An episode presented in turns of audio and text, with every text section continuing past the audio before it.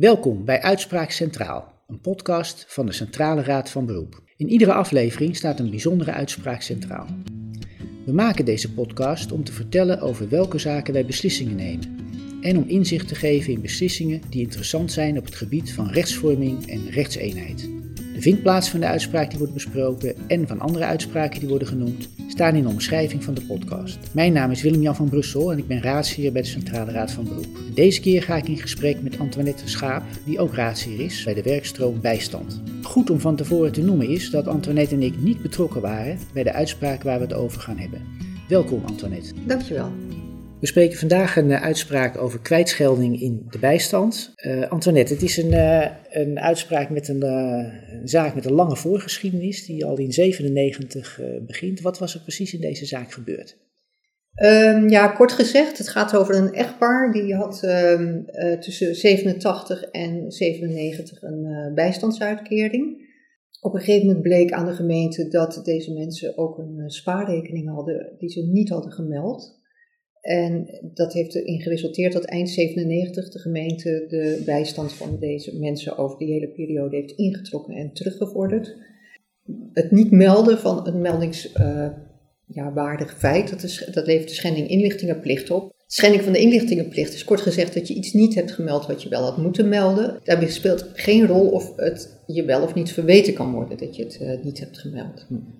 Het echtpaar zelf zegt dat zij geen uh, fraude hebben gepleegd. Het geld op de spaarrekening, uh, zeggen zij, was voor de schoonzus van meneer, van de man van het echtpaar. En ze hebben het geld ook nooit gebruikt. Nee. En de gemeente ging wel uit van fraude. Die zagen dit wel als een fraude.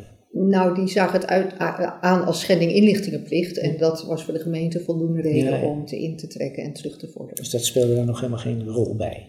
Nee. Nee, nee.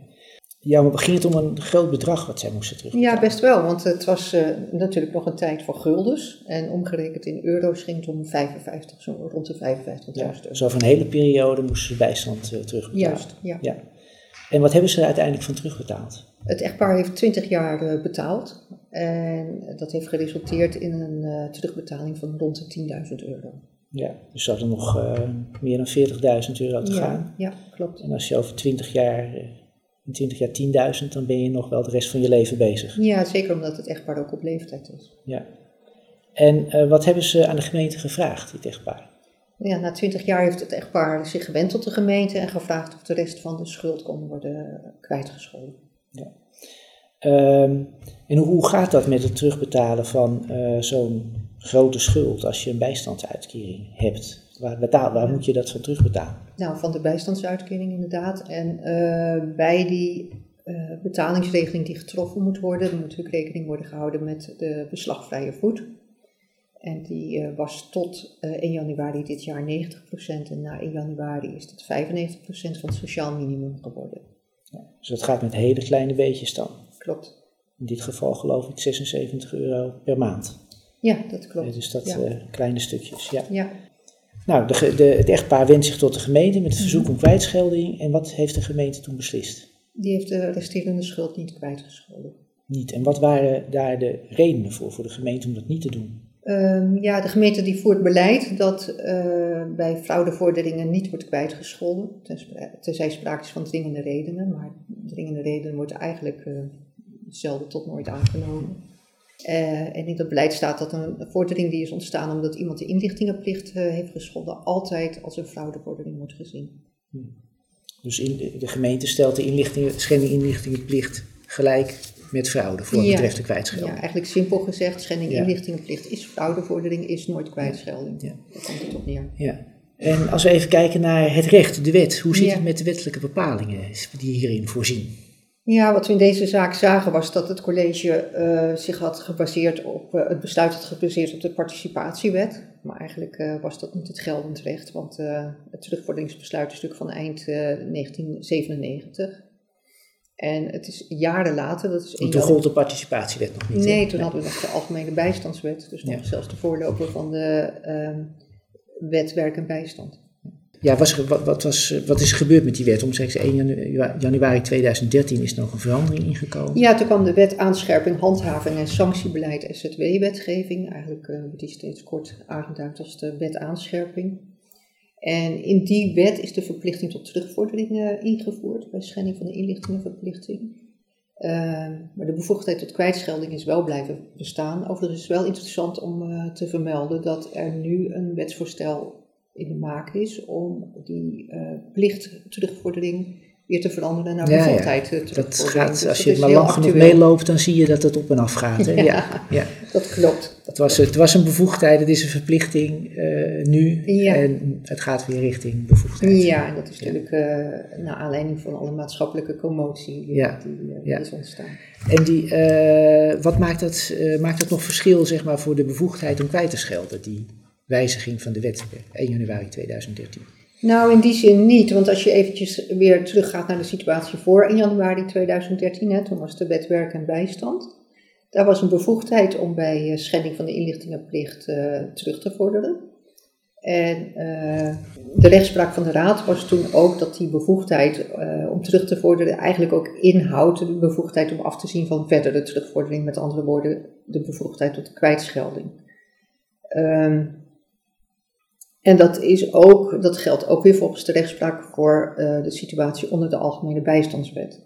En dus eigenlijk kort samengevat, als je het allemaal uh, op een rijtje ziet, dan hebben wij uh, steeds gezegd dat er een bevoegdheid tot kwijtschelding is geweest. Ja. En die is ook gebleven onder de participatiewet. Ja. en wat heeft de Raad uiteindelijk beslist in deze zaak? Ja, de Raad heeft het echtpaar in gelijk gesteld en de gemeente dus niet in het gelijk gesteld. En wat waren daar de redenen voor? Uh, nou, we hebben het beleid van de gemeente beoordeeld. En de raad heeft gezegd dat het onredelijk is dat de gemeente uh, beleid heeft waarin staat dat er nooit kwijtschelding wordt verleend als iemand de inlichtingenplicht heeft geschonden. En want het kan ook zijn dat iemand niet verwijtbaar de inlichtingenplicht heeft geschonden.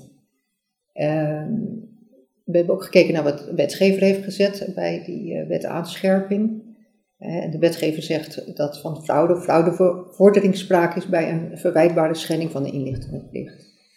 En eh, de wet geeft verder een bevoegdheid aan de gemeente gegeven om kwijt te schelden. En dat houdt in logischerwijs dat de gemeente dus een keuzemogelijkheid heeft. En ja, je gebruikt een keuzemogelijkheid niet door nooit kwijt te schelden. Uh, ook wel belangrijk is, vind ik, om te zeggen dat de wetgever iets heeft gezegd wat in deze context van belang is, namelijk dat de burger en de overheid niet gediend zijn met eindeloze invorderingstrajecten, oftewel afbetalingen. Als je een bevoegdheid hebt en je hebt beleid om die bevoegdheid nooit te gebruiken, dat is in ieder geval onredelijk beleid, heeft de Raad gezegd. Ja. En wat hier ook een rol speelt is, schending inlichtingenplicht is niet zonder meer fraude. Klopt. Daar zit nog iets tussen, namelijk verwijtbaarheid. Ja. Ja. Dat toetsen van uh, beleidsregels, uh, in dit geval van een gemeente door de raad, is mhm. dat uh, iets bijzonders? Of gebeurt dat wel vaker? Dat gebeurt zeker vaker. We hebben ook al eerder uitgesproken, bijvoorbeeld in de uitspraak van 31 januari 2018, dat als je nou een situatie hebt dat een begunstigende bevoegdheid in de wet is neergelegd, dan kan je niet met beleid dat volledig uitsluiten. Dus, in, die, in die zin is deze uitspraak niet nieuw, nee. maar wordt hier een eerdere, een eerdere lijn die er al was, wordt toegepast op dit uh, concrete geval. Ja, deze kwijtscheldingsbevoegdheid. Ja. Ja, ja. Heeft deze uitspraak ook gevolgen voor uh, andere gemeenten? Ja, dat denk ik wel, want uh, er wordt hierin duidelijk uiteengezet dat gemeentes eenvoudigweg niet kunnen volstaan met de stelling er is sprake van de inlichtingenplicht dus we verlenen geen kwijtschelding. Nee, dus gemeenten die zo'n beleid hebben, die moeten daar nu naar gaan kijken. Naar zeker, deze uitspraak. Zeker. En als ook, ze deze, uitspraak, als ze deze podcast horen. Juist, en ook goed kijken inderdaad per zaak. Het moet wel maatwerk zijn. Je zei uh, zo even geleden uh, dat het echtpaar gelijk heeft uh, gekregen. Ja. Wat schieten ze ermee op? In dit stadium alleen het gelijk, zou ik bijna zeggen. Want de raad kon nog niet doorpakken, omdat het waarschijnlijk is dat alsnog een uh, nieuw beleid wordt gevormd bij deze gemeente. Wat we wel hebben gezegd is dat de gemeente dus met inachtneming van onze uitspraken moet gaan kijken naar deze zaak, goed, goed op de merites moet beoordelen. En zou daar een besluit uitkomen die uh, het echtpaar toch wil bestrijden, dan hebben we gezegd, dan kan je direct wenden tot de raad. Ja, dus dan hoeven ze niet weer eerst naar de rechtbank. Nee. Uh, en dan in hoger beroep bij de raad, maar ze zitten meteen bij de hoogste instantie. Ja. Uh, en de reden voor de raad was dus, de gemeente krijgt nu de gelegenheid om nieuw beleid te ontwikkelen. Ja, en, en deze te beoordelen, want de verwijtbaarheid is nog niet aan de orde. Dat is nog helemaal niet, dat is nog niet beoordeeld. Nee. En dat is wel nodig om het onderscheid te maken, was het nou fraude of niet. Juist. Ja, ja het gaat hier om een zaak, hè, je hebt het al, al, een paar keer genoemd. Eh, Ja. De wetgever heeft zich ook wel, wel gebogen over, ja, wat moet je nu met grote schulden en lange invorderingen? Ja. Wat vind je als rechter, kom je dat wel regelmatig tegen, Zeker, denk ik? ja. Van, hoe ga je daarmee om? Ja, dat is een goede vraag. Ehm, inderdaad, ik kom dat tegen. Ik eh, kom het tegen en eh, naar mijn inschatting zou het in best veel zaken inhouden dat mensen tot het eind van hun leven onder het sociaal minimum moeten leven om eh, de schuld af te lossen. En wat ik wel probeer in de zaal is om met de partijen in gesprek te komen met elkaar om te kijken of er niet een afbetalingsregeling getroffen kan worden met een eindinzicht. Zeker bij, nou eigenlijk in alle gevallen probeer ik dat wel. En, en lukt dat ook wel? Ja, vaak wel. Ja. Vaak wel, omdat, eh, om verschillende redenen. Omdat er ook gekeken moet worden, vind ik, naar hoe zwaar je het iemand kan aanrekenen dat de schuld is ontstaan. De hoogte van de schuld, de perspectieven van de persoon, de leeftijd van die persoon. Hm. En eh, ook wel de invorderbaarheid, hè, is Ja. natuurlijk ook een aspect. Ja. En dan zijn gemeenten wel bereid om al deze aspecten wegende een afspraak te maken. Gelukkig regelmatig. En dan een eind, eh, nou in ieder geval een perspectief op een, eh, een eind aan de terugbetaling. Ja, en wat we ook zien is dat eh, voor mensen weten over het algemeen best dat ze eh, geld moeten terugbetalen en dat ze iets niet hebben gedaan wat ze wel hadden moeten doen.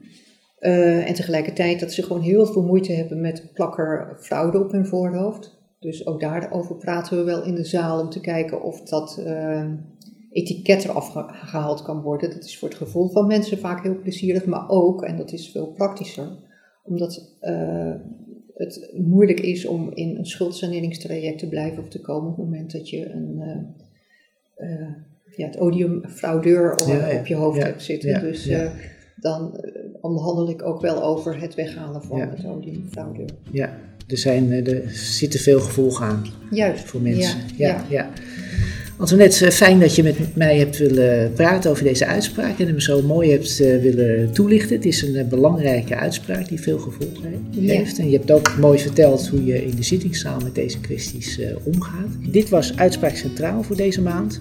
Over twee maanden een nieuwe aflevering met een nieuwe gast en een nieuwe uitspraak. Heb je vragen of opmerkingen? Laat het ons weten via Twitter, Facebook of LinkedIn. Tot de volgende keer.